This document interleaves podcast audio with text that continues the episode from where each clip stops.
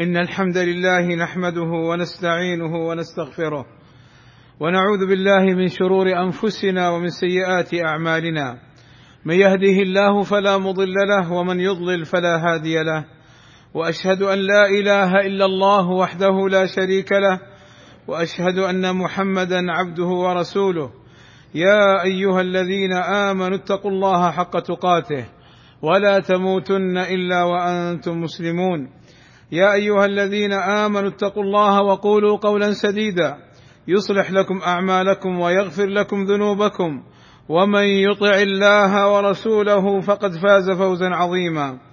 إن أصدق الكلام كلام الله وخير الهدي هدي محمد صلى الله عليه وسلم وشر الأمور محدثاتها وكل محدثة بدعة وكل بدعة ضلالة وكل ضلالة في النار.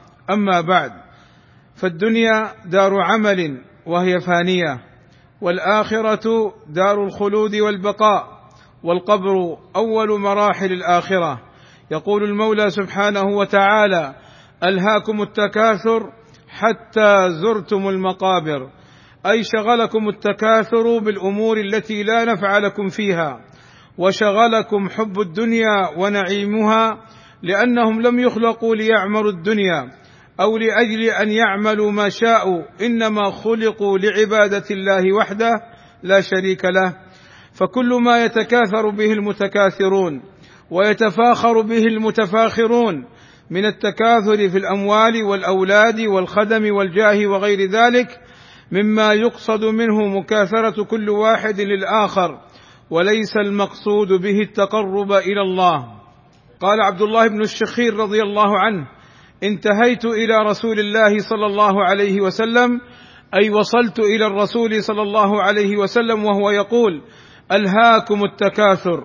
يقول ابن آدم مالي مالي وهل لك من مالك إلا ما أكلت فأفنيت أو لبست فأبليت أو تصدقت فأمضيت وما سوى ذلك فذاهب وتاركه للناس. وقوله تعالى حتى زرتم المقابر. أي أنكم غافلون بالدنيا عن الآخرة وتنتبهون بالموت حين ينكشف لكم الغطاء ولكن للأسف لا يمكنكم العمل والاستدراك.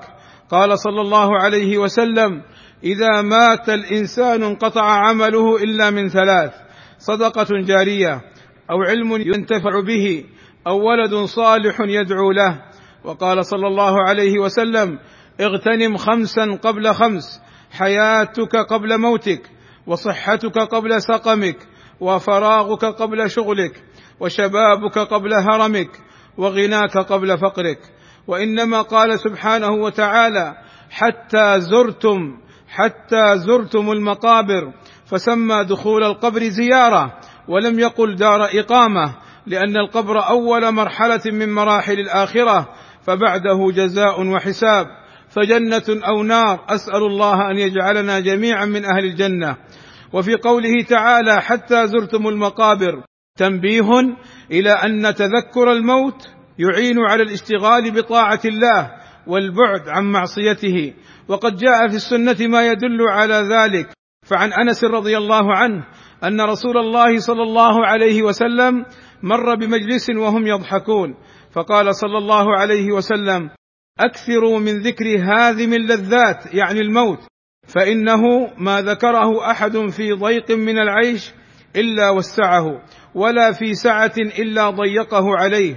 وعن ابن عمر رضي الله عنهما أن رجلا قال يا رسول الله أي المؤمنين أكيس؟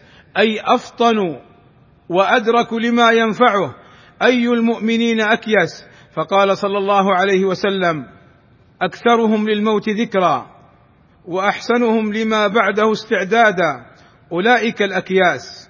وعن البراء رضي الله عنه قال كنا مع رسول الله صلى الله عليه وسلم في جنازة فجلس صلى الله عليه وسلم على شفير القبر فبكى حتى بل الثرى. ثم قال يا إخواني لمثل هذا فاعدوا وقوله تعالى كلا سوف تعلمون ثم كلا سوف تعلمون قال أهل العلم هذا وعيد بعد وعيد للغافلين اللاهين بأمور الدنيا أنهم سينكشف عنهم الغطاء ويعلمون ما أمامهم من الجزاء والحساب فمن علم ما أمامه من الحساب حسن عمله واشتغل بما ينفعه وترك ما يلهو به من أمور الدنيا الفانية ولبادر إلى الأعمال الصالحة والله أسأل لي ولكم التوفيق والسداد وأن يغفر لنا الذنوب والآثام إنه سميع قريب مجيب الدعاء. الحمد لله رب العالمين والصلاة والسلام على المبعوث رحمة للعالمين وعلى آله وصحبه أجمعين عباد الله.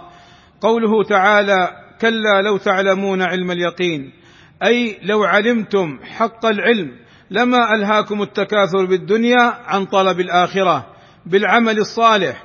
وذلك حين يرى الله النار قال تعالى لترون الجحيم أي لتردن يوم القيامة فلترون الجحيم التي أعدها الله للكافرين ثم لترونها عين اليقين أي رؤية بصرية كما قال تعالى ورأى المجرمون النار فظنوا أنهم مواقعوها ولم يجدوا عنها مصرفا ثم لتسألن يومئذ عن النعيم الذي تنعمتم به في دار الدنيا هل قمتم بشكره؟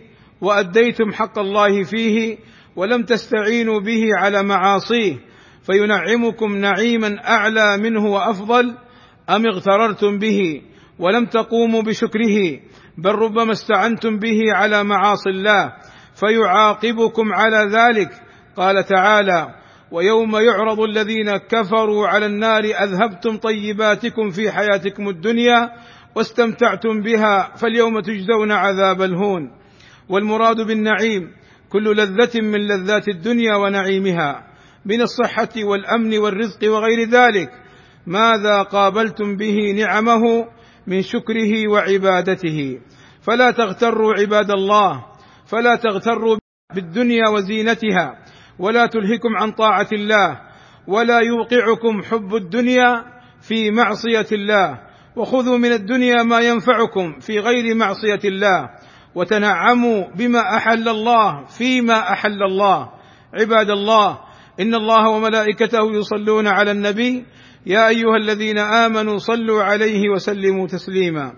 فاللهم صل على محمد وأزواجه وذريته كما صليت على آل إبراهيم. وبارك على محمد وأزواجه وذريته كما باركت على آل إبراهيم إنك حميد مجيد. وارض اللهم عن الخلفاء الراشدين أبي بكر وعمر وعثمان وعلي وعن جميع أصحاب النبي صلى الله عليه وسلم وعن التابعين لهم بإحسان وعنا معهم بمنك وكرمك يا أكرم الأكرمين. اللهم آتنا في الدنيا حسنة وفي الآخرة حسنة وقنا عذاب النار. اللهم اغفر للمسلمين والمسلمات والمؤمنين والمؤمنات الأحياء منهم والأموات.